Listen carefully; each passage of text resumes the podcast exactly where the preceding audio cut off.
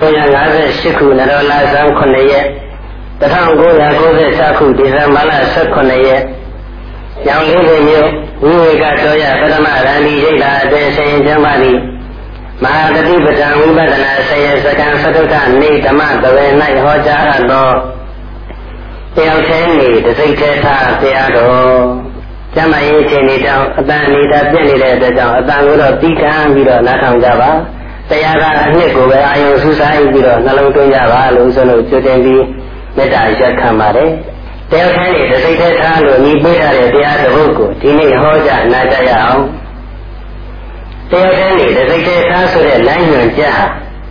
လက်ဖို့နိဗ္ဗာန်ကိုလိုလားတဲ့ပုဂ္ဂိုလ်တိုင်းပုဂ္ဂိုလ်တိုင်းလိုက်နာကျင့်သုံးရမယ့်လမ်းညွှန်ချက်ဖြစ်တယ်လက်ဖို့နိဗ္ဗာန်ကိုလိုလားတဲ့ပုဂ္ဂိုလ်မှန်ရင်တယောက်တည်းနေရမယ်တစိတ်သက်ထားရဘာဖြစ်လို့လဲ တယောက်တည်းနေမှတစိတ်တည်းထားမှလက်ဖို့နိဗ္ဗာန်ကိုမျက်မှောက်ပြုနိုင်မှာဖြစ်လို့ပဲ။ဗာမေတုံးစကားနဲ့ပြောရရင်တော့တယောက်တည်းနေဆိုတာဟာကာယဝိဝေကကိုပြောတာ။တစိတ်တည်းထားဆိုတာကစိတ်တဝိဝေကကိုပြောတာ။ဝိဝေကတရားက၃ပါးရှိတယ်။ကာယဝိဝေကစိတ်တဝိဝေကဥပတိဝိဝေကလို့၃ပါး။ဝိဝေကဆိုတဲ့စကားလုံးရဲ့အဓိပ္ပာယ်ကကျင်းစိတ်ခြင်းလို့အဓိပ္ပာယ်ထွက်တယ်။ကာယဝိဝေကဆိုတော့ကိုယ်ရဲ့ကျင်းစိတ်ခြင်း ကိုယ်အနေနဲ့ဗာရီကင်းစိတ်တယ်လေအပေါင်းအဖော်ဖြစ်တဲ့ပုဂ္ဂိုလ်တ attva တို့မှကင်းစိတ်ဘယ်အပေါင်းအဖော်နဲ့မှမယွန်းတော့ပဲဘယ်ပုဂ္ဂိုလ်ကမှအပေါင်းအဖော်မပြုတ်ဘဲနဲ့တယောက်တည်းနေတာအဲ့ဒါကိုကာယဝိဝေကလို့ခေါ်တယ်စိတ်ကဝိဝေကဆိုတော့စိတ်ရဲ့ကင်းစိတ်ခြင်းစိတ်အနေနဲ့ဗာရီကင်းစိတ်တယ်လေကိလေသာတရားនិဝရဏတရားတွေကင်းစိတ်မိမိရဲ့စိတ်ဓမ္မကိလေသာတရားនិဝရဏတရားတွေလုံးဝအဝဲမခံမင်းနဲ့ ဝိပဿနာစိတ်ကလေးတစ်စိတ်တည်းအဆက်မပြတ်ဖြစ်နေအောင်အချိန်တိုင်းအချိန်တိုင်းဖြစ်နေအောင်ထားတာအဲ့ဒါကိုစိတ်တဝိဝေကလို့ခေါ်ဥရိဝိဝေကဆိုတော့ဥရိတရားတို့ရဲ့ကျင်းစိတ်ခြင်းဥရိတရားဆိုတာကဥပကပ်ပြီးတော့ဒီဆောင်ထားတတ်တာတတ္တဝါတွေကိုသံဃာဝိသေမှာကပ်ပြီးတော့ဆောင်ထားတတ်တဲ့တရားတွေကိုဥပရိတရားလို့ခေါ်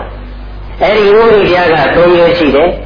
ခန္ဓာရဲ့ကိလေသာရဲ့ကုသိုလ်ကံအကုသိုလ်ကံရဲ့လို့၃မျိုး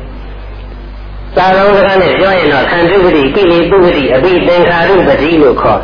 အဲဒီယုတ်တိတရားသုံးမျိုးကိုစိတ်နေတဲ့သဘောချုပ်ငင်းနေတဲ့သဘောကိုနိဗ္ဗာန်လို့ခေါ်ရ။ဖျောင်းနိုင်မိတဲ့လေးတိုင်းငြိမ်းသွားတဲ့ဆိုတဲ့နေရာမှာ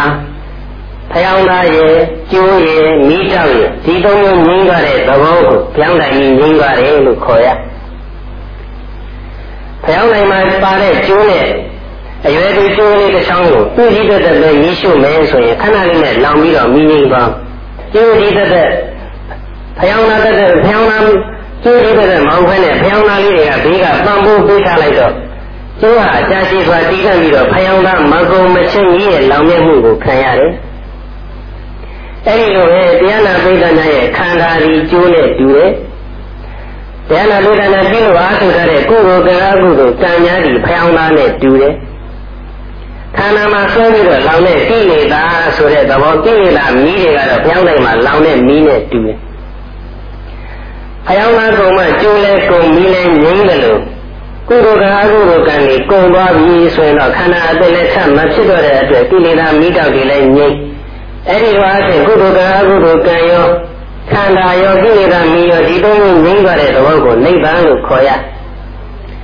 ဉာဏ်နာလေးတိုင်းရဲ့ခန္ဓာကသဘောဝသခန္ဓာသာပဲရှိတော့တယ်ဆိုရင်တော့ဒီသဘောဝဒီသခန္ဓာပဲလောင်ပြီးတော့မြင်နေပါမယ်။အဲဒီလိုမဟုတ်ဘဲနဲ့ကုသိုလ်ကံအကုသိုလ်ကံတွေကပံမှုပေးနေဦးမယ်ဆိုရင်တော့ကောင်းတဲ့ကုသိုလ်ကံကပံမှုပေးတော့ကောင်းတဲ့ကုသိုလ်ဝါကိုရကောင်းတဲ့ခန္ဓာကိုရအဲ့ဒီခန္ဓာမှာဆက်ပြီးတော့မိလောင်မကောင်းတဲ့အကုသိုလ်ကံကပံမှုပေးတော့မကောင်းတဲ့ဒုက္ခတိဘဝကိုရမကောင်းတဲ့ခန္ဓာကိုရအဲ့ဒီခန္ဓာမှာဆက်ပြီးတော့မိလောင် အရဟတသမနဲ့ကုသိုလ်ကအကုသိုလ်ကံတွေကိုအကျိုးနဲ့ပယ်တတ်လိုက်နိုင်ပြီဆိုရင်တော့ခန္ဓာအသစ်ထပ်မဖြစ်တော့တဲ့အတွက်ကြောင့်ကိလေသာမိတောက်တွေလည်းပဲအသီးတိုင်ချုပ်ငင်းပြီအဲဒီလိုငြိမ်းသွားတဲ့သဘောကိုနိဗ္ဗာန်လို့ခေါ်ရဥဝေကစကားနဲ့ပြောတော့ဥပတိဝိဝေကလို့ခေါ်ပါတယ်အဲဒီလိုအဖြစ်ဝိဝေကတရားသုံးပါးရဲ့အဓိပ္ပာယ်ကိုအချင်းချုပ်မှတ်ကြပါ ဒီနေ့တရားနာပိဋကနာတတိပဌာဝိပဿနာလို့အားထုတ်နေကြတဲ့တောရအကြောင်းရဲ့နာမည်ကပါတယ်လေဝိဝေကတောရနော်ဝိဝေကတောရဆိုတဲ့နာမည်ရဲ့အဓိပ္ပာယ်ဘာများပါလိမ့်မလဲလို့အကျဉ်းချုပ်ပြောရင်တော့စိတ်ရင်တော့တော်ရလို့ဒီလိုသိတဲ့အတွက်ဆိုကြပြီးတဲ့စိတ်ကလေးနဲ့ပြည့်ပြည့်စုံစုံပြောမယ်ဆိုရင်တော့ တယောက်တည်းနေခြင်းစိတ်ထဲထားခြင်းဆိုတဲ့ကာယဝိဝေကစိတ်ကဝိဝေကနှစ်ပါးကိုလက်ကင်ထားပြီးတော့တတိပဌာန်လို့အာထုတ်ခြင်းအားဖြင့်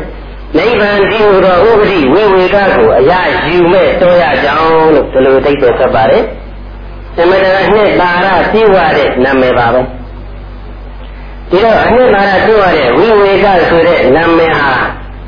ကျောင်းမှာပဲရှိမနေစေဘဲနဲ့ကျောင်းရဲ့နာမည်ဖြစ်နေပဲရှိမနေစေဘဲနဲ့ သဝိဝေကတရားသုံးပါးလုံးကြီးမိမိရဲ့ခန္ဓာတဲ့မိမိရဲ့စိတ်အစဉ်ထဲမှာပါကိန်းသွားအောင်ကြိုးစားကြရမယ်။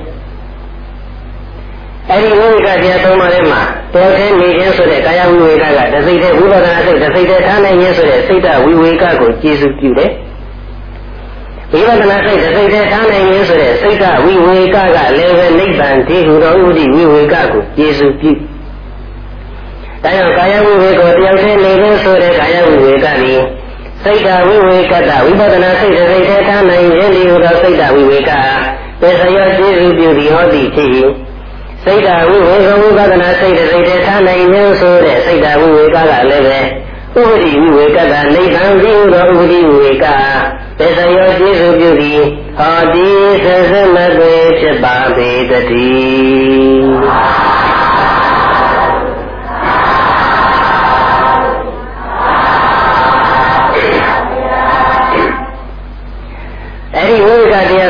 တရား၃ပါးထဲမှာနိဗ္ဗာန်သိဟုသောဥပတိဝိဝေကသည်ကာယဝိဝေကနဲ့စိတ်ကဝိဝေကလမ်းကနေလျှောက်သွားလို့ရှိရင်ရှောင်းမဲ့လမ်းဆုံးပန်းတိုင်ဖြစ်တယ်။အဲကြောင့်လမ်းဆုံးပန်းတိုင်ဖြစ်တဲ့ဥပတိဝိဝေကရဲ့အကြောင်းကိုဒါလောက်ပဲအချင်းချင်းပြောပြီးတော့တရားနာပိဋကများတကယ်လျှောက်လန်းရမယ်ကာယဝိဝေကနဲ့စိတ်ကဝိဝေကလမ်းရဲ့အကြောင်းကိုအနေနဲ့ဖြစ်တယ်ပြီးတော့ပြောကြရအောင်။ကာယဝိဝေကတယောက်တည်းနေလို့ဘာကြောင့်တိုက်တွန်းရတယ်လဲ။တ ယောက်တည်းနေမှသာလေဝိပဿနာစိတ်တစ်စိတ်တည်းထားနိုင်ခြင်းဆိုတဲ့စိတ်ကဝိဝေကကပြည့်ပြည့်စုံစုံဖြစ်နိုင်တယ်။တရားထဲမနေတဲ့ဘောင်းဖော်နဲ့နေခြင်းရဲ့အပြစ်တွေနောက်များစွာရှိတဲ့ထဲကဒီကနေ့တရားနာပိဋကများအတွက်တတိခါလုခွင်နဲ့သက်ဆိုင်တဲ့အပြစ်သုံးမျိုးကိုပဲဥဆုံးလို့ပြောခဲ့မယ်။အပေါင်းဖော်နဲ့နေလို့ရှိရင်တစ်စကားပြောဖြစ်တယ်။ နှစ်မိမိရဲ့ပေါင်းဖော်ကချစ်စရာဖြစ်နေခဲ့ရင်ဓမ္မမို့မိမိကချစ်စရာပဲလို့နှလုံးသွင်းခဲ့မိရင်ဖြစ်သွားတတ်တယ်။တောင်းလို့ဒီဘုရားမုန်းစရာဖြစ်နေခဲ့ရင်ဓမ္မမို့မုန်းစရာပဲလို့မိမိကနှလုံးသွင်းခဲ့မိရင်မုန်းသွားတတ်တယ်။သုံးခုအဲ့ဒီထဲမှာဒီစကားပြောပြတယ်ဆိုတာကတော့ရှင်းပါတယ်။ဘယ်ဘက်လက်မှာလက်ကောက်သခွင်းညာဘက်လက်မှာလက်ကောက်သခွင်း လက်တစ်ဘက်ကိုလက်ကောက်သခွင်းစီပဲဆက်ထားပြီးတော့အဲ့ဒီလက်နှစ်ဘက်လှုပ်မယ်ဆိုရင်တော့လက်ကောက်တွေအမှန်မဆက်ကြဘယ်ဘက်လက်ကလက်ကောက်ကိုညာဘက်ကိုဆွသုံးမဟုတ်ညာဘက်ကလက်ကလက်ကောက်ကိုဘယ်ဘက်ကိုဆွအဲ့ဒီလိုဆုပ်ပြီးတော့လက်ကောက်နှစ်ကုန်းဆုပ်ပြီးကြည့်မယ်ဆိုရင်တော့လက်ကောက်တွေအတန်မြည်ရပြီလက်ကောက်နှစ်ကုန်းဆက်ပူပြီးဆိုရင်တော့အတန်တွေပူပြီးတော့မြည်မယ်အဲ့ဒီလိုပဲအပေါင်းဟောဆိုတာရှိလာခဲ့ရင်အပေါင်းဟောနဲ့ရောနှောင်းခြင်းဆိုတာသိလာခဲ့ရင်စကားပြောဖြစ်ပြီ စကားပြောဖြစ်တော့ဘာဖြစ်ကလေးစကားပြောခြင်းရဲ့အဖြစ်တွေနောက်များစွာရှိတဲ့ထဲကလည်းပဲတရားနာပြီးတော့များတော့ပဋိပဒါလုခွင့်နဲ့ပတ်သက်တဲ့အချက်၃ချက်ကိုပဲဥဆုံးလို့ပြောမယ်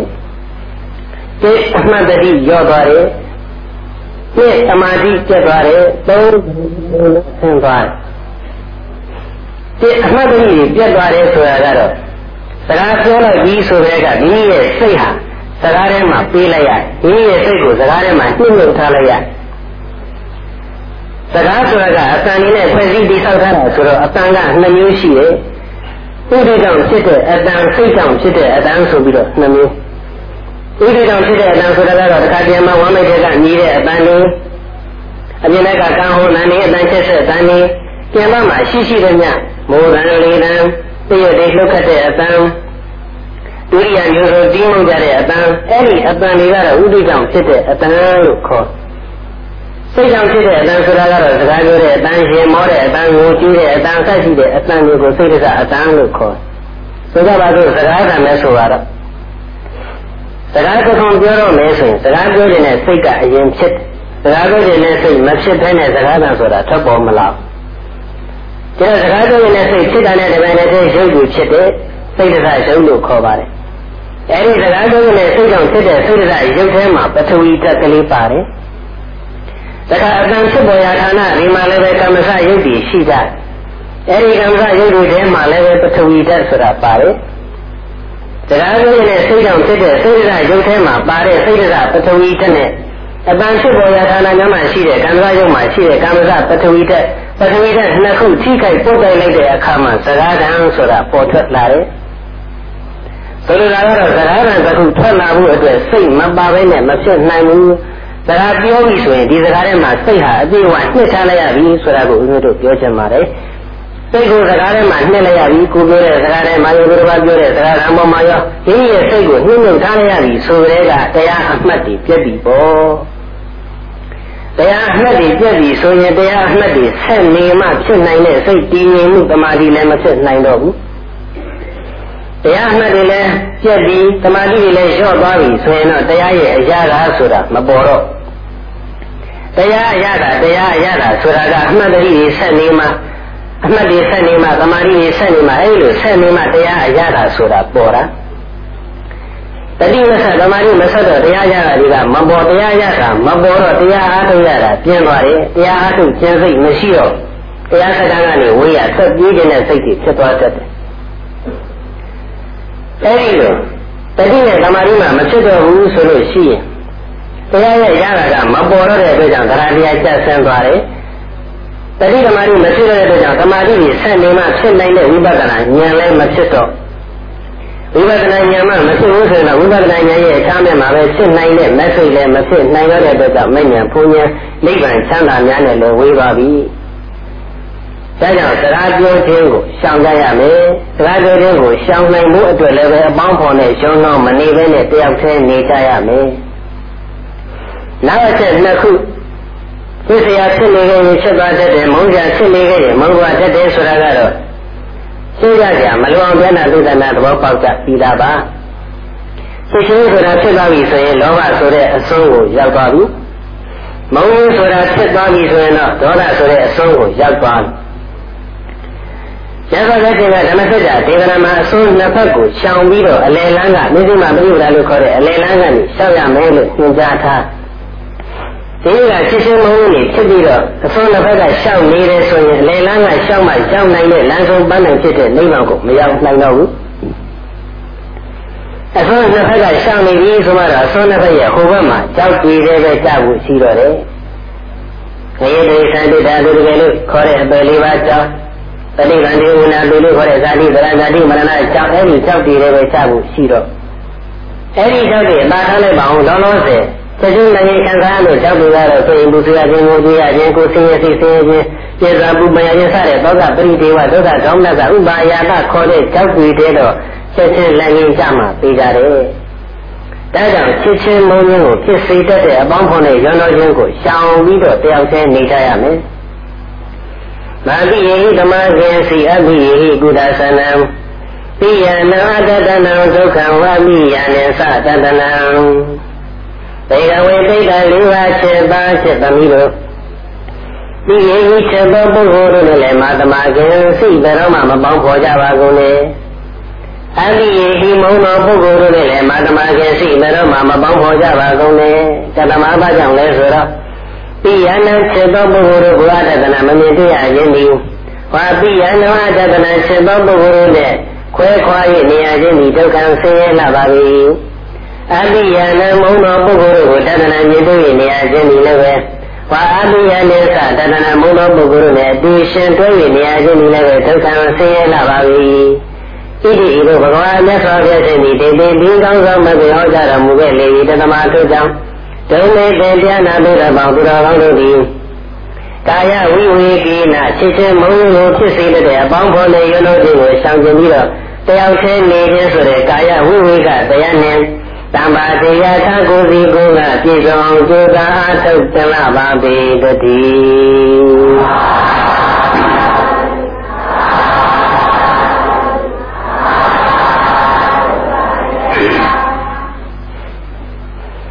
စိတ်ကဝိဝေကတစိတ်သေးထားလို့ဘာကြောင့်တိုက်တွန်းရတယ်လဲတရားနာပိဋကများမျက်မှောက်ပြုခြင်းနဲ့နိဗ္ဗာန်ဆိုတာကမက်စိတ်နဲ့မှမျက်မှောက်ပြုလို့ရတယ်ရှေ့နားမှာလည်းပဲဝိပဿနာစိတ်ရှိဝိပဿနာစိတ်ရဲ့အခြားမဲ့မှာပဲမစိတ်ဖြစ်တယ်ဒါနစိတ်ရဲ့အခြားမဲ့မှာလည်းမစိတ်မရှိဘူးသီလစိတ်ရဲ့အခြားမဲ့မှာလည်းမစိတ်မရှိဘူးသမထစိတ်ရဲ့အခြားမဲ့မှာလည်းမစိတ်မရှိဘူး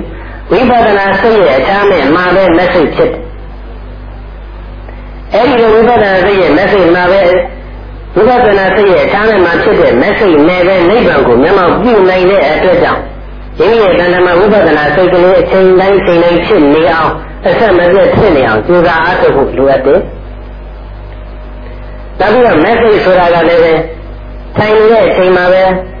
ကြာသွားလိမ့်မယ်။ဒီနေ့ရှောင်းနေတဲ့အချိန်မှာပဲမက်ဆေ့ဖြစ်သွားလိမ့်မယ်လို့အဲ့ဒီလိုအတိအကျကန့်သတ်ထားခြင်းမရှိ။ တရားထိုင်ရတော်ကြီးတဲ့ဘုလေးပါးပြည့်လို့အားထုတ်နေတဲ့အချိန်မှာလည်းပဲမက်ဆေ့ကဖြစ်နိုင်တယ်။သမင်္ဂနေတဲ့အချိန်ရေတောက်နေတဲ့အချိန်ဝေစားတွေလဲလဲနေတဲ့အချိန်ကျင်းကျင်းနဲ့ဆွနေတဲ့အချိန်ရေချိုးနေတဲ့အချိန်နဲ့နဲ့ပြည့်နေတဲ့အချိန်ဆက်ရှိတဲ့ဒီဝေကိစ္စလေးတွေဆောင်ရွက်နေတဲ့အချိန်မှလည်းပဲမဆိတ်ဆိုတာကဖြစ်သွားနိုင်တယ်။မိမိရဲ့မဆိတ်ဟာဘယ်အချိန်မှဖြစ်မလဲဆိုတာကြိုတင်ပြီးတော့အတိအကျသိမှတ်ထားတဲ့အတွက်ကြောင့် မဆိတ်ဆိုတာကလည်းဝိပဿနာစိတ်ရဲ့အခြားမဲ့မှာပဲဖြစ်နိုင်တဲ့အတွက်ကြောင့်ယောဂီတို့တော်မောင်သူတော်ကောင်းတို့ဟာထိုင်တဲ့အချိန်ထိုင်မှတ်တဲ့အမှတ်ရဲ့ဈေးငယ်မှတ်တဲ့အမှတ်ရဲ့ဒီအမှတ်နှမျိုးနဲ့ပဲကျင်းတတ်ပြီးတော့မနေကြဘဲနဲ့အထွေထွေပြုဝယ်ကိစ္စလေးတွေဆောင်ရွက်နေတဲ့အချိန်မှလည်းပဲအထွေထွေအသေးစိတ်အမှတ်ကလေးတွေကိုအထူးတန်ဖိုးထားပြီးတော့လေးလေးစားစားရှုမှတ်တဲ့နဲ့အဲ့ဒီလိုအထွေထွေလေးတွေမှတ်လေးတွေကိုလည်းလေးလေးစားစားရှုမှတ်မှတာတယ် ခုနပြောခဲ့ပြီးပြီပဲလက်စိတ်ဆိုတာကထိုင်မှပဲဖြစ်မယ်။ဒီနေ့ရှောင်းနေမှပဲဖြစ်မယ်လို့တတ်မှတ်ချက်မရှိဘူး။ကိုယ်တန်တာမှာဖြစ်တဲ့လက်စိတ်ကထိုင်ရင်ရင်းရင်ဒီမှာပဲဖြစ်မယ်ဆိုတာလည်းကြုံမသိဘူးထိုင်ရင်ရင်းရင်ဒီမှာတပါးတခြားသောအတူတူကိစ္စဆောင်ရွက်နေတဲ့အချိန်လေးတွေမှာလည်းဖြစ်မယ်ဖြစ်သွားနိုင်တယ်ဘယ်အချိန်ဖြစ်လဲဆိုတာကြည်လင်ပြီးသိမှတ်ထားတဲ့အတွက်ကြောင့်အချိန်တိုင်းအချိန်တိုင်းဒီရဲ့တဏ္ဍာမှာဝိပဿနာစိတ်ကလေးဖြစ်နေအောင်ကြိုးစားအားထုတ်ဖို့လိုအပ်တယ် ဆိုကြပါစို့မိမိရဲ့ message ကရေချိုးနေရင်လည်း message ဖြစ်မယ်ဆိုရင်ရေချိုးနေတဲ့အချိန်မှာမိမိကအမှတ်ကိုလွှတ်ထားလိုက်မယ်ရေချိုးနေတဲ့အချိန်မှာအမှတ်မပါဘဲနဲ့ချိုးနေမယ်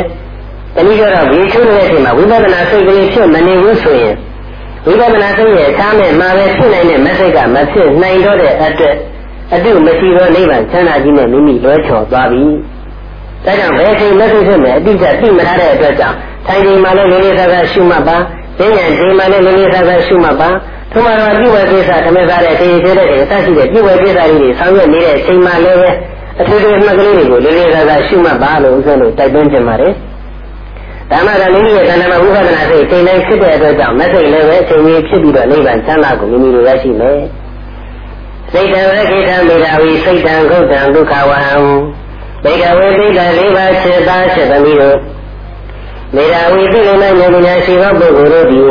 စိတ်တံမိမိရဲ့စိတ်ကိုလက်ကိစ္စဝိပဿနာစိတ်တစ်စိတ်တည်းဖြစ်အောင်ဆောက်ဆောက်ကကုန်ရည်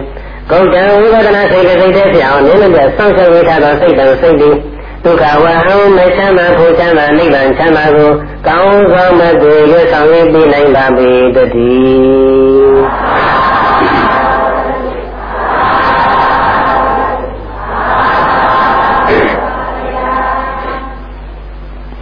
တရားနဲ့နေခြင်းနဲ့တစိတ်တည်းထားခြင်းရဲ့သဘောကိုဉာဏ်ပိဋကများနားလည်ကြသည်အဲဒီလိုတရားခင်းနေတစိတ်တည်းထားတဲ့နေရာမှာဘာကိုနမူနာယူရမလဲဆိုရင်ကြံ့ကျိုးကိုနမူနာယူကြရမယ်ကျန့်ကျိုးဟာတစ်ချောင်းလေးပဲပေါက်တယ်အဖော်မပါဘူးအဖော်ကျိုးမရှိတစ်ချောင်းလေးပဲပေါက်တယ်အဖော်မပါပဲတစ်ချောင်းလေးပေါက်တယ်အဲ့ဒီကျန့်ကျိုးကဖြောင်းလဲဖြောင်းတစ်ချောင်းလေးလည်းပေါက်တယ်ဖြောင်းလဲဖြောင်းလဲဆိုတော့အဲ့ဒီကျန့်ကျိုးမှကြီးเสียတွေ့เสียမရှိကြီး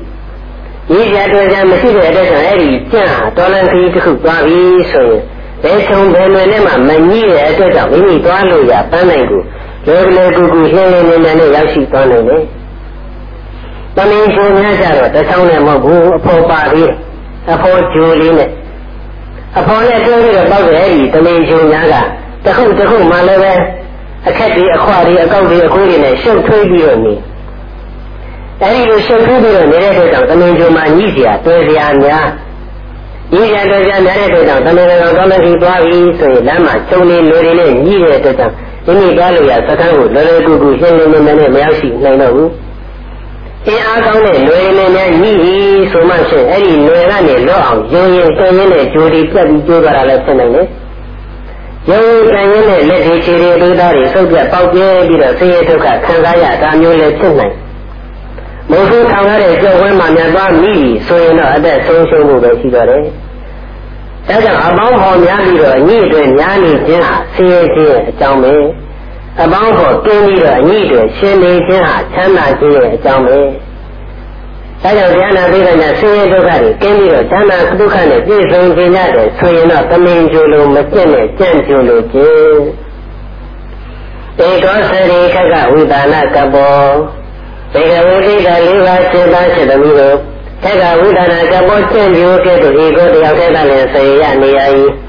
ခက်ကဝိဒါနကဘောကျင့်ကြိုးကဲ့သို့ဧကောဝတသိတည်းကလည်းစေထားရ၏ဧခက်ကဝိဒါနကဘောကျင့်ကြိုးနဲ့မချတ်တမူလားတူစွာဧကောဝတယောက်တည်းတစ်စိတ်တည်းကလည်းစရိစရိယကောင်းစွာမသွေနေထိုင်သင်္လာပါပေတည်း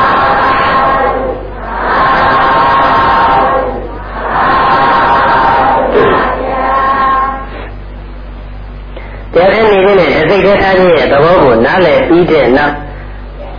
တရားခဲနေခြင်းနဲ့တစိတ်တည်းထားခြင်းမှာဘယ်ဟာကပိုပြီးတော့အဓိကကြတယ်လဲဆိုတာသိစိတ်ကြည့်ကြရအောင်တရားခဲနေခြင်းနဲ့တစိတ်တည်းထားခြင်းမှာတစိတ်တည်းထားခြင်းကပိုပြီးတော့အဓိကကြဒါဖြစ်လို့လဲဆိုတော့တရားနာလေးကမျက်မှောက်ပြုခြင်းနဲ့နိဗ္ဗာန်ဆိုတာကရုပ်ခန္ဓာကြီးနဲ့မျက်မှောက်ပြုလို့မရဘူးစိတ်နဲ့ပဲမျက်မှောက်ပြုရလက်စိတ်နဲ့ပဲမျက်မှောက်ပြုလို့ရတယ် လက်စိတ်ရဲ့ရှင်နာမှာလည်းဝိပဿနာစိတ်ရှိတယ်လို့ဆိုခဲ့တဲ့အတွက်ကြောင့်ဝိပဿနာစိတ်တစ်စိတ်တည်းဆက်မပြတ်ထားနိုင်ခြင်းဟာဒီနည်းလိုလားတောင်းတတဲ့မေဖို့နိဗ္ဗာန်ရရှိရေးအတွက်အဓိကပဒါနအကြဆုံးပဲတစိတ်တည်းထားခြင်းကအဓိကကြတယ်လို့ဆိုလိုက်တဲ့အတွက်ကြောင့်တယောက်တည်းမနေတော့ဘူးပေါင်းဖော်နေပဲရောတော့ပြီးနေတော့မယ်လို့ဒီလိုတော့နှလုံးမသွင်းနဲ့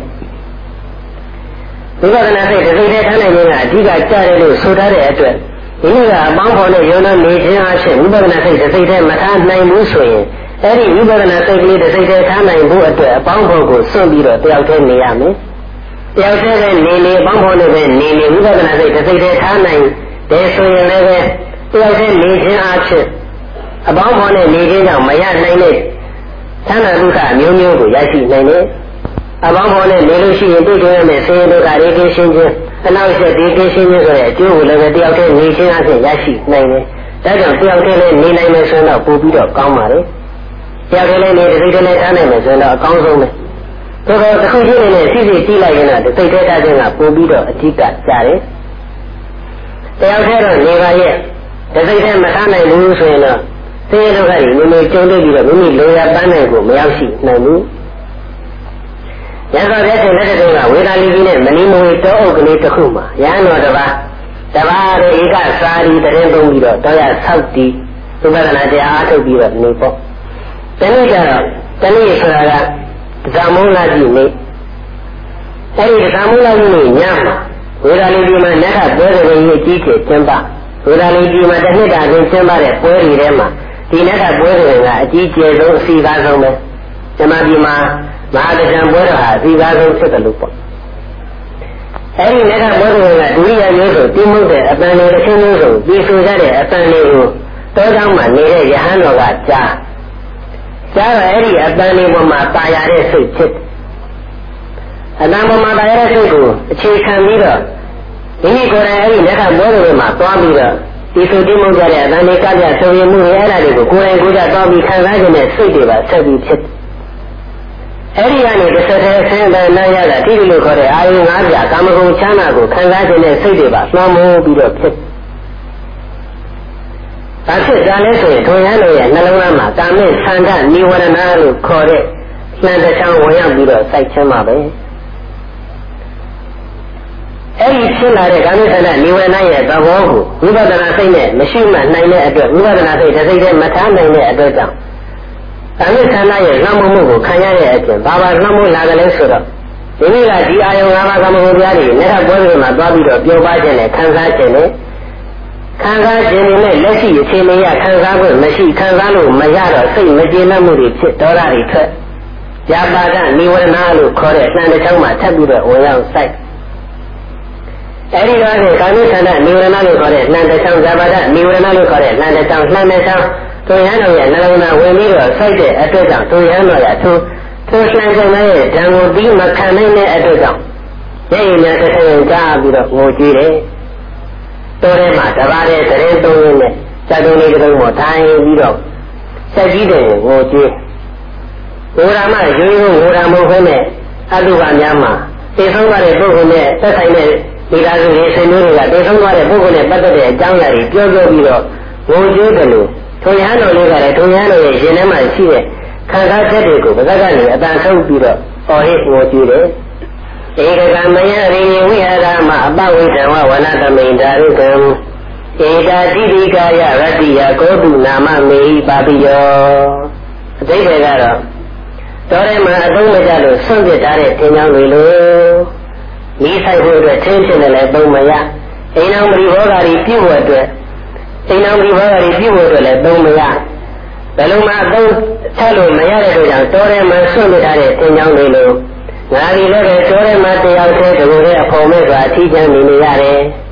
ဒီလိုပြောစရာကောင်းတဲ့ညာမျိုးမှာပျော်ရွှင်မှုတွေစိတ်သုံးနေတဲ့ငါဘဝဩလောကကြီးမှာငါတော့ကံဆိုးတယ်လို့ရှိမှမဟုတ်တော့ပါဘူးအမှန်လေးကံဆိုးလိုက်လိမ့်ခြင်းလို့တရားရဲ့သူဟန်တော်ဟာတိုးထဲမှာတပါးတယ်နေပြီးတော့ကြောက်တုံးလေးကိုထိုင်ရင်းနဲ့ငိုချင်းချ တညာလုံးအော်ဟိအော်ဟိပြီးတော့ငိုကြည့်ယဟန်ဆံမဲ့နဲ့အဲ့ဒီလိုအော်ဟိငိုကြည့်ပြီးငိုချင်းချရတဲ့ဘဝဘာကြောင့်ကြောက်ရတယ်လဲဆိုရင်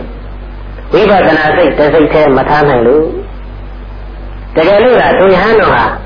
လက်ကပွဲတော်ကကြားရတဲ့ဒီဘုံတန်ဒီဆိုတန်ဒီအပေါ်မှာကြားတယ်ကြားတယ်လို့ရှုမှတ်နိုင်ခဲ့မယ်ဆိုရင်ဒါမှမဟုတ်ကြားတဲ့အတန်ကို မရှုမှတ်လိုက်နိုင်လို့တာယာတဲ့စိတ်တွေဖြစ်သွားတယ်ဆိုရင်လည်းအဲဒီတာယာတဲ့စိတ်တွေကိုတာယာတယ်တာယာတယ်တမက်တယ်တမက်တယ်စသည်အားဖြင့်ရှုမှတ်နိုင်ခဲ့မယ်ဆိုရင်တရားနုပါဒနာနဲ့ဓမ္မနုပါဒနာကိုမနိုင်နေလို့မလို့ဒီအနိုင်ဆုံးဖြစ်တဲ့သင်္ချာဆုံးဖြစ်တဲ့ကိုယ်ကာယဆံရပြုမှုတစ်ခုခုကိုရှုမှတ်နေနိုင်ခဲ့မယ်ဆိုရင်အခုလိုကာမိသနာဇဘာရလို့ခေါ်တဲ့နိဝရဏနှစ်ပါးနှိမ့်ဆက်ခြင်းမခံရတဲ့အတွက်အခုလိုဝေကြည့်ရတဲ့အဖြစ်မျိုးရောက်မှာမဟုတ်ဘူး အခုတော့ဝိပဿနာစိတ်တစ်စိတ်တည်းမထားနိုင်တဲ့အတွက်ကြောင့်ဝေကြည့်ရတဲ့အဖြစ်မျိုးကိုရှောက်ရတယ်တန်တဲ့ဝေဒနာလုံးဝေကြည့်ပြီးတော့နောက်တစ်နေ့ကျတော့တော်ပြီငါလူထက်တော့မယ်တရားဒီတံလူအောင်ကြောင်းပြီးတော့ကာယငါးပြာကာမဂုဏ်ဆန်းတာကိုငါခံစားတော့မယ်ဆိုပြီးတော့လူထက်ဖို့အတွက်တော်ရကနေထွက်လာထွက်လာပြီးတော့ပြောပါလေဒီမဆက်ဆံဘုရားတော့ဝင်ဖူးရအောင်ပါပဲဆိုပြီးတော့မြတ်စွာဘုရားရှိဝင်ဖူးဖူးပြီးတော့အကြောင်းကျိုးလျှောက်ထားလျှောက်ထားတော့မှမြတ်စွာဘုရားရှင်က တယောက်တည်းနေဖို့တစ်စိတ်တည်းထားဖို့တယောက်တည်းနေတဲ့တစ်စိတ်တည်းထားခြင်းဟာမိမိရဲ့ဘဝ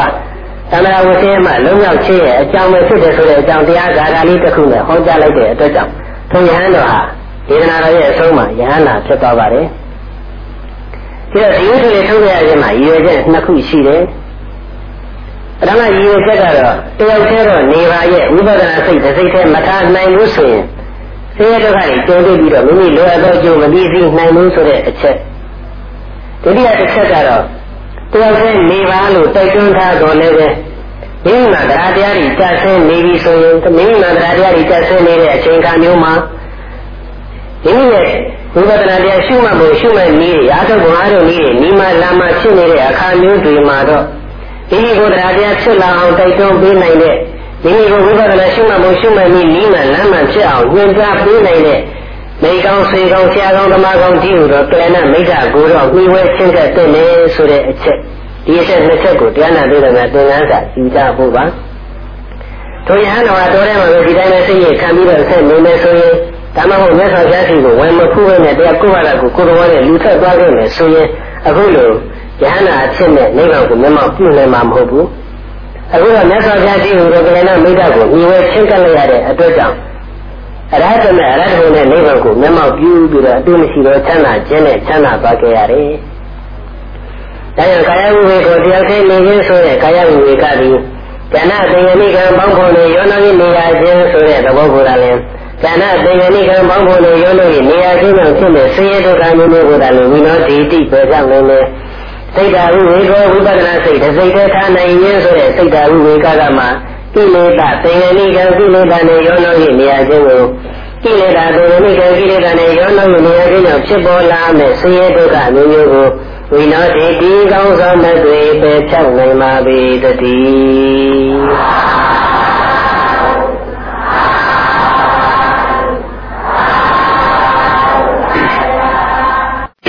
တခါတော့ကကာရမတိတိရှင်ဘယ်မင်းကြီးတကား နောက်လိုက်နောက်ပါဆံရင်ပေါင်းမြောင်များစွာနဲ့ဥယျာဉ်နဲ့ပြောဝဲတာထွက်ဥယျာဉ်ဝင်ဝရောက်တဲ့ဆိုရင်ဥယျာဉ်ကသက္ကဝေယုံမကြီးရဲ့အောက်မှာပိစေကဗုဒ္ဓနှစ်ပါးကိုဖူးတွေ့ရဖူးတွေ့ရရင်ဒုတိယခြင်းနဲ့ဗာရဏိတိရှင်မင်းကြီးကဒီဝေရာစိတ်တွေဖြည့်ပြီးတော့ပိစေကဗုဒ္ဓနှစ်ပါးကကိုယ့်ကိုယ်ပိစေကဗုဒ္ဓပဲလို့တိုင်းရင်မပြောဘဲနဲ့ဒီကအတ္တစမာနပုဂ္ဂိုလ်တို့လို့ပြောလိုက်တဲ့အိဗယ်နဲ့ပြောမင်းကြီးနားမလို့တော့ရှင်ပြအတ္တစမာနဆိုတာဘာလဲ အတ္တစမာနဆိုတာညိကတေတာခြင်းမရှိတဲ့ပုဂ္ဂိုလ်ကိုပြောတာသက်ရှိတတ်မဲ့ဘယ်အာယုံပေါ်မှာညိကတေတာခြင်းမရှိတဲ့ပုဂ္ဂိုလ်ကိုအတ္တစမာနပုဂ္ဂိုလ်လို့ခေါ်တယ်မင်းကြီးဟဲ့ဒီတခဝေယံလူကြီးကိုကြည်တယ်အဲဒီတခဝေယံကြီးဟာအဲဒီတခဝေယံကြီးထဲမှာရှိတဲ့ဝါးပင်တွေဟာတပင်နဲ့တပင်အမြင့်ရှင်လို့ဆက်ပေပြီးကလေးဆက်တပင်နဲ့တပင်အကိုင်းအခက်အတက်အလက်ဒီရွှေရှက်ရှုပ်ထိုးပြီးတော့ညီတွယ်နေကြတဲ့အတွက်ကြောင့် ဒီတရားဒါတဆောင်ကံရပြီးတော့ဒီတခဝေယံကဝါးပင်တပင်ကိုခုတ်မယ်ဆိုပါတော့အဲတခဝေယံအတွင်းလေးကအလဲအောင်တဲ့ကဝါးဆိုတာအသာထားလိုက်ပါအောင်တခဝေယံကြီးရဲ့အစုံပိုင်းအဖြားပိုင်းမှာရှိတဲ့ဝါးပင်လေးတပင်ကိုခုတ်လိုက်တယ်ဆိုရင်လည်းဒါနဲ့ခုတ်လိုက်လို့ဝါဝါနဲ့ဝါနဲ့ရဲ့အရင်ကပြတ်သွားပြီအရင်ကလုံးဝပြတ်သွားပြီမဲ့အဲ့ဒီပြတ်ကဝါဟာအလိုလိုလဲပြီးတော့မလာဘူးလဲနဲ့ဆွဲထုတ်တယ်လည်းအလိုလိုဆွဲထုတ်လို့မရဘူး ဒါလို့လဲဆိုတော့သူ့မရှိတဲ့အကိုင်းကအတက်အလက်တွေကဘေးကဝါးနေအပေါ်မှာညှိတွဲရှုပ်ထွေးပြီးတော့နေတဲ့အတွက်ကြောင့်ပဲအဲဒီတော့ဘေးမှာညှိတွဲနေတဲ့အကိုင်းကအတက်အလက်တွေကိုဒါနဲ့ခက်ခက်ခဲခဲပယ်ပတ်ပြီးတော့မှဖြတ်ပြီးတော့မှအဲ့ဒီဝါးကိုဆွဲထုတ်လို့ရတယ်ဟိုတခါဝိညာဉ်ရဲ့အလေတော်မှာရှိတဲ့ဝါးပင်ဆိုရင်တော့အရင်ကပြက်ပြက်တင်ပြက်တော်ညာလည်းပဲဘယ်လိုနည်းနဲ့မှအပြင်ကိုဆက်ထုတ်လို့ရမှာမဟုတ်တော့ဘူး မင်းကြီးပြည့်ရဲ့ဘဝဟာလည်းဟောဒီတခါဝိညာဉ်ကြီးလိုဖြစ်နေပြီအန္တောသပရိသဇတယစတိတော်အလေးရှုပ်အပြည့်ရှုပ်အစုပ်မျိုးနဲ့မင်းရှုပ်နေတယ်အတင်းရှုပ်ဆိုတာကတော့လောဘဒေါသစတဲ့ကိလေသာတရားတွေကိုပြောတယ်အကျဉ်းချုပ်ဆိုတာကတော့အာရုံ၅ပါးကမ္မဂုဏ်တရားကိုပြောတာဒီလိုရှုပ်ရှင်မှာလောဘဒေါသဆိုတဲ့ကိလေသာတရားတွေဝင်ရောက်နေပြီဆိုရင်အဲ့ဒါအကျဉ်းချုပ်နဲ့ရှုပ်နေပြီ ပြင်ဘက်ကလည်းပဲသုံးဆောင်ခံစားရအာရုံ၅ပါးကမ္မဂုဏ်တရားကြီးဟူသောသက်ရှိတဲ့နဲ့သုံးဆောင်ပစ္စည်းဝတ္ထုတွေကိုရယူသိရှိထားပြီးစာဝေစုဆောင်ထားပြီဆိုရင်အဲ့ဒါအပြင်းရှုပ်နဲ့ရှုပ်နေပြီ။မင်းရဲ့လောကဟာအပြင်းရှုပ်အပြင်းရှုပ်နဲ့ရှုပ်နေတဲ့အတွက်ကြောင့်ဆင်းရဲဒုက္ခကလွတ်မြောက်အောင်ရုပ်ထွက်ဖို့ခက်နေပြီ။လွတ်မြောက်အောင်ရုပ်မထွက်နိုင်တဲ့အတွက်ကြောင့်ချမ်းသာစိတ်ချမ်းသာမှကိုမိမိမရတော့ဖြစ်နေတယ်။ ဒုညာဘဝကြတော့ဟောဒီဝိသုကလေးတွေလို့မိုးရင်းဆိုတော့ဝိသုလေးတွေကလည်းထွက်နေ။အဲဒီဝိသုလေးတွေကြတော့အတိုင်းရဲ့အတွက်လက်တွေမထက်သေးတဲ့အတွက်ကြောင့်ဘေးကဝါရုံလေးပေါ်မှာညှိတွဲခြင်းရှုပ်ထွေးခြင်းကမှမရှိသေးဘူး။ဒီကဒီဝိသုလေးတွေကိုအဖျားကလည်းချိုးချိုးအရင်းကလည်းချိုးချိုးချိုးပြီးလိုက်လို့ရှိရင်ချိုးပြီးတဲ့ညှိစုပ်ကိုအလွယ်တကူပဲဆွတ်ထုတ်လို့ရတယ်။ဒါကဝိဇ္ဇင်းရဲ့အပြင်ကညှိစုပ်တွေဆိုတာအတာထားလိုက်ဟိုဝိဇ္ဇင်းနဲ့အလဲတဲ့တဲ့ကညှိစုပ်ပင်ဖြစ်ပေါ်냐လဲ ချိုးပြီးလို့ရှိရင်အလွယ်တကူပဲဆွတ်ထုတ်လို့ရတယ်။ဒီငါရဲ့ဘဝအားလည်းပဲအကျိုးရှိအပြည့်ရှိဘာအရှုံးမှမရှိတဲ့အတွက်ကြောင့်ဟောဒီညှိစုပ်ကလေးတွေလိုပဲဆင်းရဲဒုက္ခအပေါင်းကနေအလွယ်တကူတို့မဲ့တွင်းမြောက်ရုပ်ထွက်နိုင်ကြတယ်။အဲ့ဒီလိုလုံးအောင်ရုပ်တဲ့နိုင်ရတဲ့အတွက်ကြောင့်ချမ်းသာဖြစ်ချမ်းသာမှန်ကိုဒီမှာရရှိနေကြတယ်။မိပင်အားလည်းပဲဆင်းရဲဒုက္ခတွေကလုံးအောင်ပြီးတော့ချမ်းသာဖြစ်ချမ်းသာမှန်ကိုရရှိခြင်းလေဆိုရင်တော့ သက္ကဝယုံကြီးကိုမကျင့်နဲ့ညှိစွလေးလို့ကျင့်ပါ။သိစေကဗုဒ္ဓနှစ်ပါးရဲ့ဩဝါဒအတူချုပ်ကအဲ့ဒါပဲသက္ကဝယုံလို့မကျင့်နဲ့ညှိစွလို့ကျင့်အဲ့ဒီဩဝါဒလေးပြီးပြီးတော့သိစေကဗုဒ္ဓနှစ်ပါးကောင်းရင်ကြီးကကြွသွား။ပါရမီမကြီးကတန်ခါးတွေဖြည့်ပြီးတော့ကိုယ့်ဘဝကိုပြန်ရှင်းကြတယ်။အော်ငါဘဝအတိတ်ရှုပ်အပြည့်ရှုပ်နဲ့ရှုပ်နေပါလား။ဘယ်တော့မှဒီရှုပ်ထွေးကနေလွတ်မြောက်ပါမလဲ။ ကျန်တာလေးကညာလည်းကိုယ့်ဘဝကိုပြန်ပြီးတော့စဉ်းစားကြည့်ကြရမယ်။ဒီဘဝစက္ကဝေယုံလေးကိုဖြစ်နေသလားနှိမ့်ဆွလို့ဖြစ်နေသလားဆိုတာ။အတွင်းကလည်းသိနေတာတရားတွေနဲ့အပြင်ကလည်းပဲသုံးဆောင်ခံစားကြသိရှိတဲ့မဲ့အာယုန်လေးနဲ့ဆိုရင်တော့အဲ့ဒါစက္ကဝေယုံလေးကိုဖြစ်နေပြီ။အဲဒီလိုဆိုရင်ဒုက္ခကလွတ်မြောက်အောင်ရုံးထွက်ဖို့ခက်ပြီ။ဘာလို့ဒီလိုလဲကိုယ့်ဘက်ကိုပြင်ဆင်တာကရဏုခောအံဒီဧဝံအတိသမာနောဘဝေယံ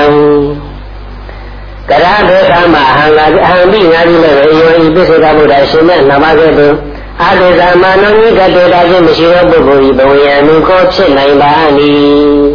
။ဒါတော့မှငါလည်းပဲဒီတိစ္ဆကဗုဒ္ဓနှစ်ပါးလို့အာသေသမာနနိကတေတာခြင်းမရှိသူဖြစ်ပါမလဲလို့ဣတိဧကလို့ဆုံးတဲ့တော်ကြံပြီးစဉ်းစားပြီးတော့တသေဝထုချက်ခဝယုံလူကြီးရဲ့အောက်၌ပင်လည်းထီတုံးမတ်တရလည်းရဲ့ဝိပဿနာဝိပဿနာရှုပါလိုက်ပြီးရှိတော့ ဒိဋ္ဌိကမောတိညာလုံးဒိဋ္ဌိကမောတိညာတို့သစ္စာကံပြီးကောင်းဆောင်မတေမျက်မှောက်ပြုတော်မူခဲ့ပါပေတည်းဒ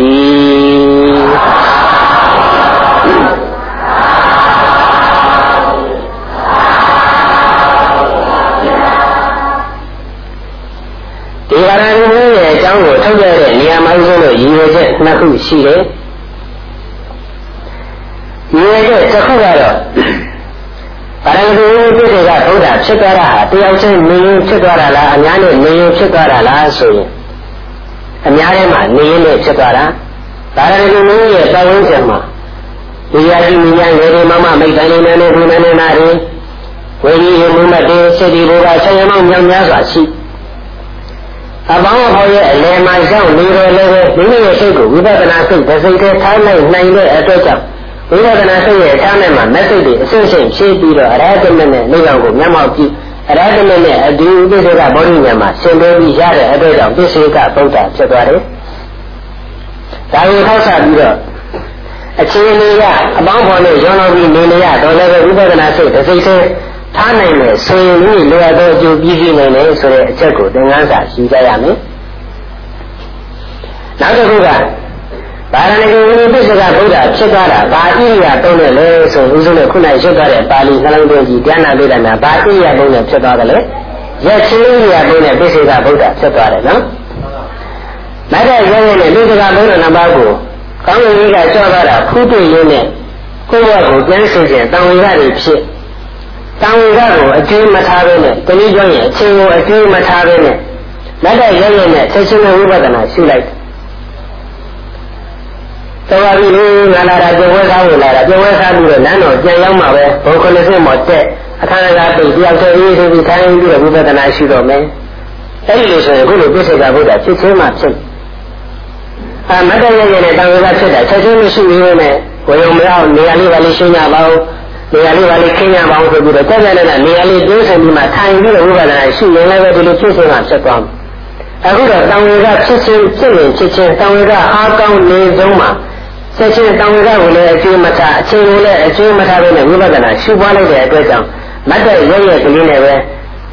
လက်ရည်နဲ့ဆက်ဆက်ဖြစ်ပြီးတော့ပိစိကဗုဒ္ဓဖြစ်သွားတယ်။ဒါကိုနမူနာရှိပြီးတော့တရားနာပိဋကများအခုအထုဆက်ယောဂီများအနေနဲ့ဆိုရင်လည်းထိုင်မှတ်တဲ့ချိန်မှာပဲမှတ်မယ်။ဒီနေ့လေးလေးပဲမှတ်မယ်။ဒီလိုနှလုံးမသွင်းကြဘဲနဲ့အထူးပြုဝေကိစ္စလေးတွေဆောင်ရွက်နေတဲ့အချိန်တွေမှာလည်းပဲ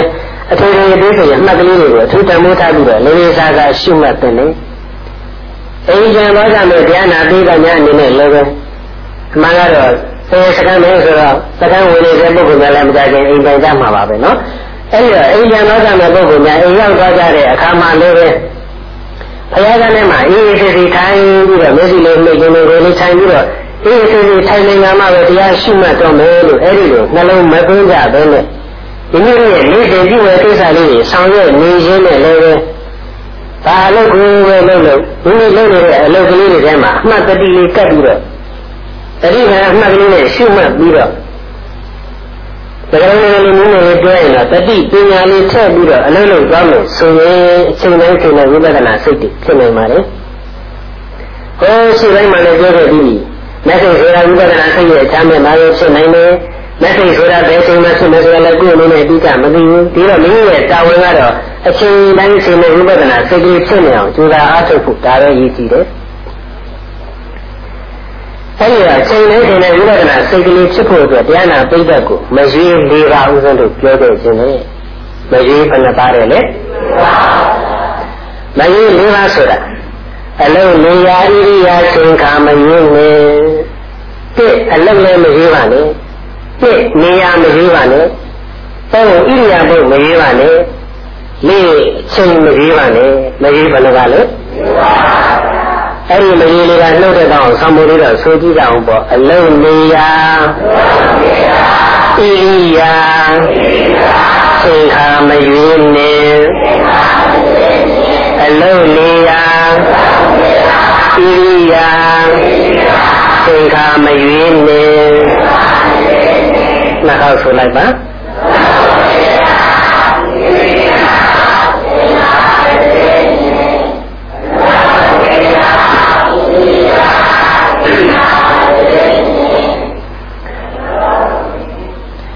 အလုံးမရွေးနဲ့ဒါအလုံးပဲလုံးနေလုံးနေ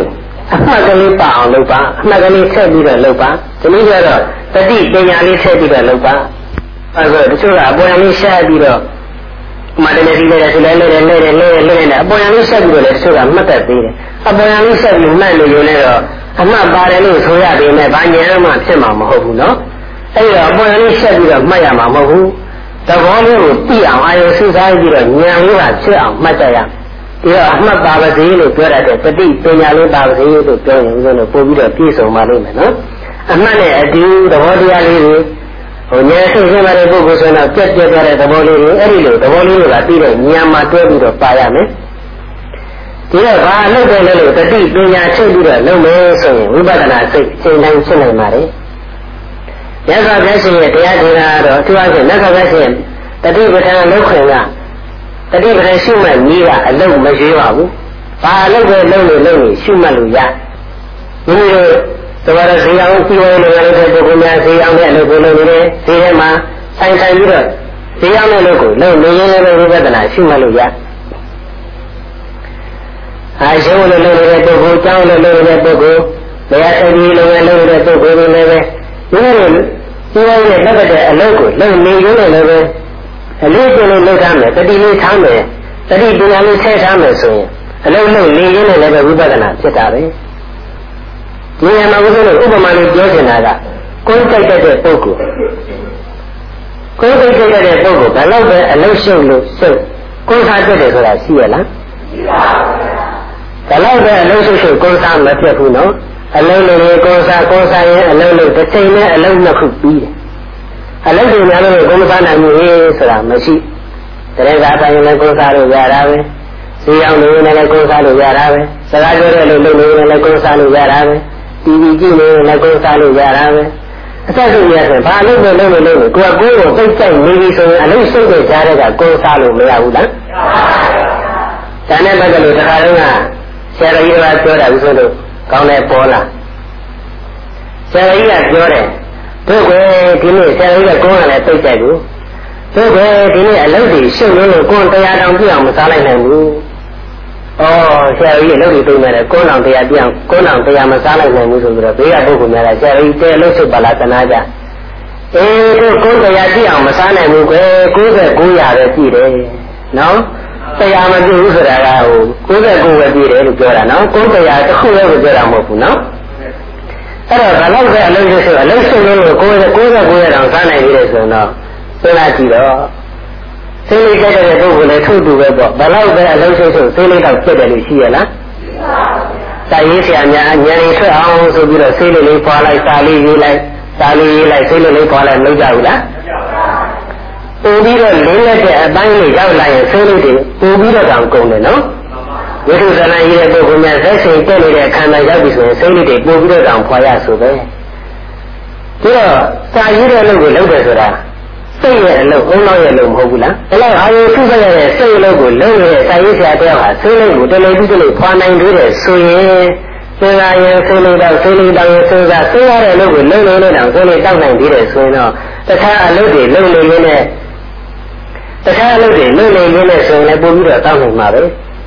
အဲဒီတော့ကိုယ်ကြိုက်တဲ့ပုဂ္ဂိုလ်စိတ်လေးကြိုက်တဲ့ပုဂ္ဂိုလ်ဟာဘလောက်အလုံးစုံစုံကိုယ်သားမပြတ်စိတ်လေးတော့မပြတ်သလိုတတိပဋ္ဌာန်ရဲ့အရာကဝိပဿနာရဲ့အရာကကိုတွေ့ပြီးတော့ဒီဝိပဿနာအလုပ်ကငါမလုံးမဖြစ်လုပ်တဲ့အလုပ်ပဲဒီဝိပဿနာအလုပ်ကအချိန်လေးခင်ငါတဏ္ဍာမှာဖြစ်အောင်လုပ်ရမယ်အလုပ်ပဲလို့လေးလေးနဲ့နဲ့ခိုင်ခိုင်မာမာဆုံးဖြတ်ချက်ထားတဲ့ပုဂ္ဂိုလ်တယောက်ဟာဘယ်လောက်ပဲအလုပ်ရှိရှိဝိပဿနာစိတ်ကလေးဖြစ်အောင်မလုပ်သင့်ဘူးလား ကောင်းစားတဲ့ပုဂ္ဂိုလ်ကမှစားကြတဲ့ချိန်နာနာကိုရမရှိရင်စားလို့မဖြစ်ဘူးနော်ကိုရဆင်းလို့မရှိလို့ဝယ်စားလို့ဆိုရင်တက်တာကမရှိဘူးဆိုရင်စားလို့မဖြစ်ဘူးတက်တာမရှိလို့အကျိုးဝယ်စားမယ်ဆိုရင်ဟိုကအကျိုးပေးအောင်မှာဟုတ်လား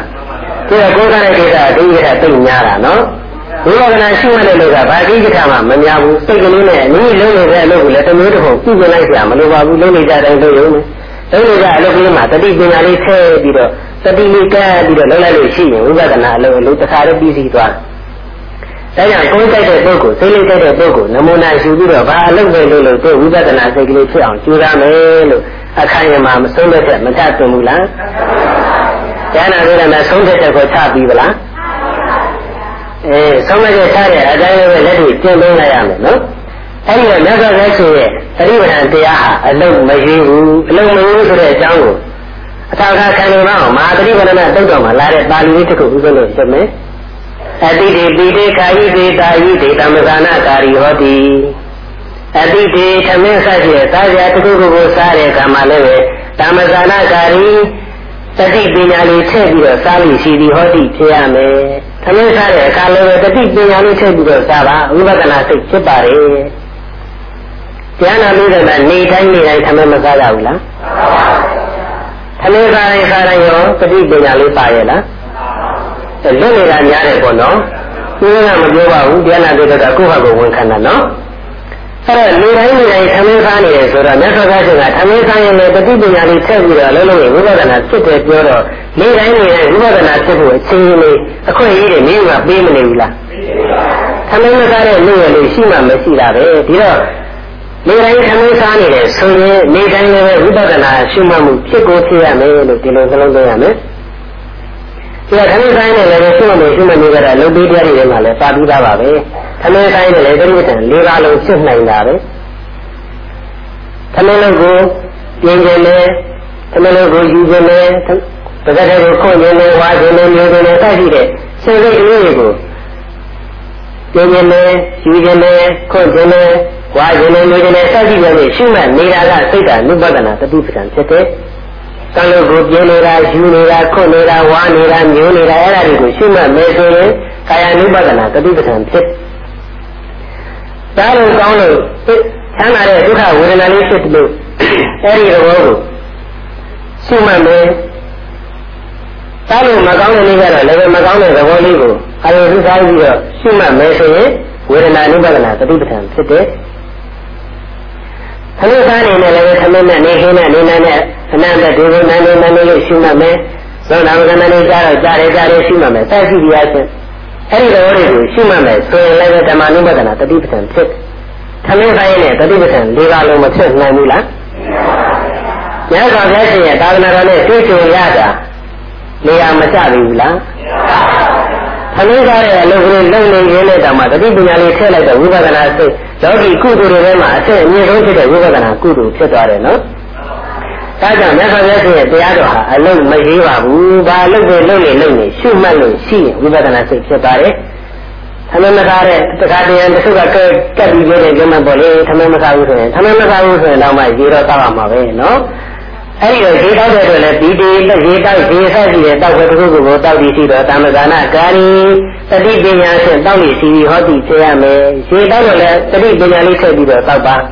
ခါဤဒီမဟုတ်ဆိုင်တဲ့တစ်ခုခုကိုတိုက်ခဲစားတဲ့အခါမှာလည်းပဲတာမဇာနာကာရီတတိပညာထည့်ပြီးတော့တိုက်ခဲစားလို့ရှိပြီးဟောတိဖြစ်ရမယ်တာယိတိယထာဆက်ရှိတဲ့ရက်ဖွယ်တစ်မျိုးမျိုးကိုရက်တဲ့အခါမျိုးမှာလည်းပဲဓမ္မဇာနာကာရီတတိပညာထည့်ပြီးတော့ပြုလို့လေရှိပြီးဟောတိဖြစ်ရမယ် ကျတော့စားတဲ့အလုံးတောက်တဲ့အလုံး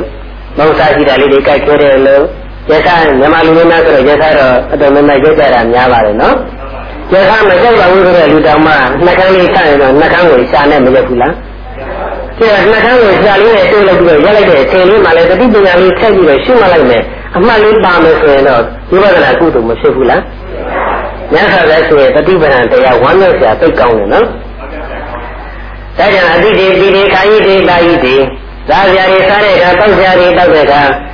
တိုက်ခဲစရာရှိတာတွေကြိုက်ခဲစားတဲ့အခါရက်စရာရှိတာကိုရက်တဲ့အခါဒီမှာလည်းပဲသာမဇာနာဂာရီတတိပညာလေးထည့်ပြီးတော့စားခြင်းတောက်ခြင်းကြိုက်ခြင်းရည်တည်လေးရှိပြီးဟောဒီစင်စမပေဖြစ်တယ်မှာပေတတိ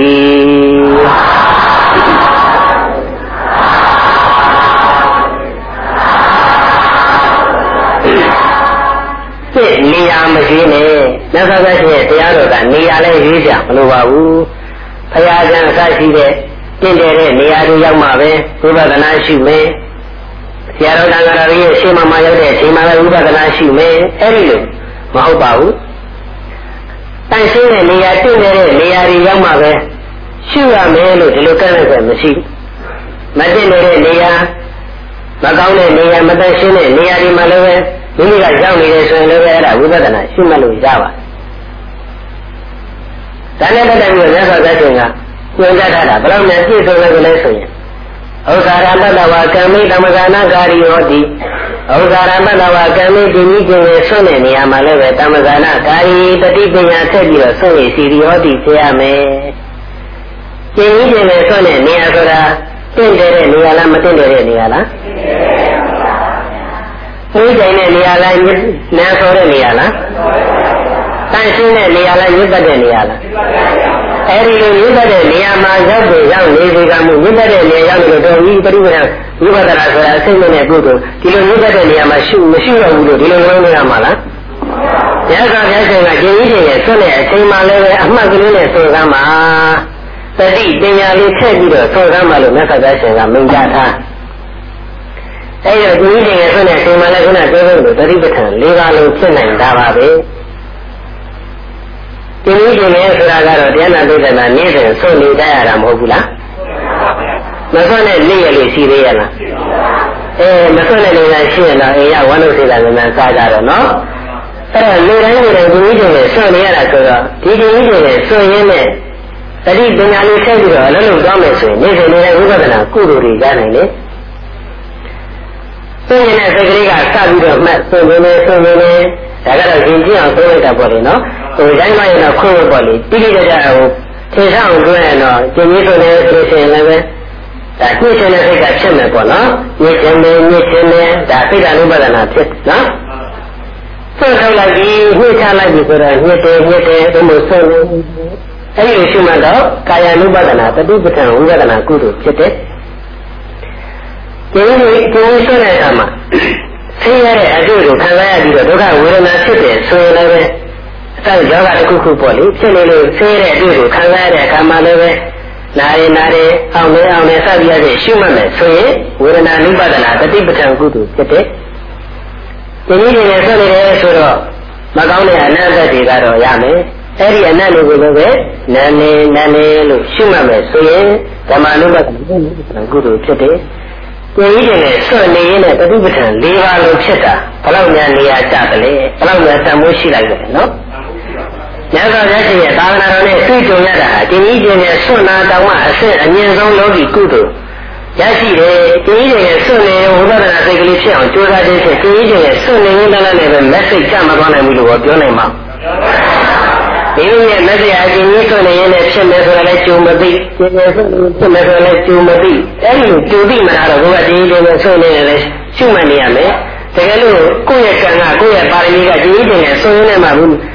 လက်စိတ်ကြမဲ့ပုဂ္ဂိုလ်ဆိုရင်ကိုယ်ကဒီလိုနဲ့ဆိုတဲ့အချိန်မှာနာလို့မရှိချင်မှဘူးဆိုပြီးတော့အမှတ်တွေရှုချထားမယ်တတိပညာတွေကိုရှုချထားမယ်ဆိုရင်တော့မိမိရဲ့တန်တာမက်ဆေ့ဖြစ်နိုင်မှာမလားမက်ဆေ့ဆိုတာကဝိပဿနာစိတ်ရဲ့ထားနေမှာပဲဖြစ်တယ်လို့ဆိုထားချက်ပြီးပြီနော် ဒါကြောင့်မြတ်စွာဘုရားရှင်ရဲ့ဝိပဿနာတရားဟာနေရာလည်းမရှိပါဘူးနောက်တစ်ခုကဘာမရှိရတယ်လဲဣရိယာမရှိဘူးနော်တချို့ကအရိယာဘုအရိယာဘုနဲ့ပြောတယ်အရိယာမဟုတ်ဘူးနော်ဣရိယာအဲ့ဒီဟာဣလေးနဲ့တွားတကယ်ကြီးမှလုံကြီးတင်လေးပါပါသေးတယ်ပေါ့လေနော်တချို့လည်းလုံကြီးတွေမထည့်လဲရပါအဲ့တော့ဣရိယာဘုလည်းမရှိပါဘူးထိုင်နေမှပဲမှတ်မယ်လို့ဒီလိုရှိရလား မတ္တရရင်လည်းမှတ်လို့ရတယ်ဒီနေ့လမ်းလျှောက်နေရင်လည်းမှတ်လို့ရတယ်။အိယာဘုံမှာလဲလျောင်းနေရင်လည်းရှုမှတ်လို့ရတယ်။အိယာဘုံမရှိဘူး။ဘယ်အိယာဘုံမှာမဆိုရှုမှတ်လို့ရ။ခုနဗာရဏသီမင်းကြီးလူစိတ်ကဗုဒ္ဓဖြစ်သွားတာဗာအိယာဘုံနဲ့ပါလို့။အဲ့ဒီတော့တရားနာမိတ်တယ်များတဣရိယာပုံနဲ့ပဲနေနေတတိပညာလေးဆက်ပြီးတော့ထားမယ်ဆိုရင်ဥပဒနာကုသိုလ်ချိန်တိုင်းဖြစ်မယ်။အဲ့တော့တရားနာမိတ်တယ်များမအိတ်တဲ့ပုဂ္ဂိုလ်လေးရှိရလား။ နေတိုင်းအိတ်ကြမှာပဲနော်ပြီးတော့အဲ့ရဝင်လာနေပြီးအဲ့ရဝအဲ့ရတဲ့လက်ကလေးမှလှည့်ပြီးတော့ခေါင်းပေါ်ခေါင်းချလိုက်ပြီးဆိုတာနဲ့ဒီဇိုင်းနဲ့ချင်းဝိပဿနာအမှတ်ကလေးနဲ့မှတ်ပြီးတော့နေရမယ်ဘယ်လိုမှတ်ရမလဲဆိုတော့ဦးဇင်းတို့အထူးမပြောတော့ဘူးပေါ့လေပြန်နိုင်တဲ့ကောင်းတဲ့ပင်တွေကိုပဲရှုမှတ်ချင်းရှုမှတ်ဘုံဘုံကောင်းနေခန္ဓာကိုယ်ကြီးကြင်နဲ့ထိရတဲ့သဘောကိုအာရုံစုလိုက်ပြီးတော့ထိတယ်ထိတယ်လို့ပဲရှုမှတ်ရှုမှတ်ဒီလိုနှိမ့်တဲ့လို့ရှုမှတ်နိုင်ပါတယ်နော်နောက်တစ်ခုကအချိန်မကြီးနဲ့ ဟာမနေ့ခင်းလေးမှစိတ်တည်ငြိမ်ပြီးတော့တမာရီရတယ်အဲ့ဒီဆိုပြီးရှိတယ်မနေ့ပိုင်းလေးရှိတော့မယ်နေ့လည်းပိုင်းညပိုင်းတော့တာလေးနေလိုက်ဦးမယ်ဒီလိုနေရမှာလားမရပါဘူးဟာတချို့ကလည်းညပိုင်းလေးမှသိစိတ်တယ်အဲ့ဒါလေးတွေ့နေတဲ့ညချိန်ကျမှအားထုတ်တော့မယ်မနေ့ပိုင်းနေပိုင်းတော့အေးသေးသေးနေလိုက်ဦးမယ်ဒီလိုလည်းမလို့ရဘူးအချိန်တိုင်းခရိုင်မနေ့ရောနေ့ရောညရောဘယ်အချိန်မှဆိုဝိပဿနာတရားကိုရှုမှတ်ကြရမယ်အလုံးနေရာဣရိယာချိန်ခါမရွေးနဲ့ဆိုတဲ့မရွေးလေးပါတရားနာဒေသနာဆွေးဆွေးငယ်ရှု နှလုံးသွင်းပြီးတော့မနေ့ကရထလာတယ်ဆိုလို့ရှိရင်ပေါ့လေပါပရိစိတ်ညာပရိစိတ်ပါပရိစိတ်တော့ယာရုတက်တဲ့စီဝတ်တက်တဲ့အဲ့ဒီနောက်တစ်ကြီးသိမလိုက်စနဲ့မနေ့ရတာမျက်လုံးနှလုံးပွင့်လာတယ်ဆိုတာနဲ့အလုံးနေရာဣရိယာချိန်ခါမရွေးနဲ့ဒီဆောင်မှုကလေးပရိစိတ်လို့ကိုတကားတဲ့အနည်းဆုံး၃កောက်လောက်၉កောက်လောက်ရှုပြီးတော့ကဲမင်းဒီနေ့အလုံးလည်းမရွေးနဲ့ပါလို့လို့ဝိပဿနာရှုနော် နေရာလည်းမရွေးနဲ့ဘယ်နေရာရဝိပဿနာရှုနော်ဣရိယာပုလည်းမရှိနဲ့ဘာဣရိယာပုလည်းပဲနေနေနေဥပဒနာရှုနော်အချိန်နဲ့မကြီးနဲ့ဘယ်ချိန်မဆိုနေဥပဒနာရှုနော်လို့ကိုယ့်ကိုယ်ကိုမဆုံးမသိဘူးလားအဲ့ဒီလိုဆုံးမမယ်ဆိုရင်တမှုမကြည့်မဘူးလားအဲကြောင့်သံမောလေးတစ်ခေါက်ဆိုလိုက်ပါအလုံးနေရာဣရိယာသိခာမရွေးနဲ့နှစ်ခေါက်ဆိုလိုက်ပါ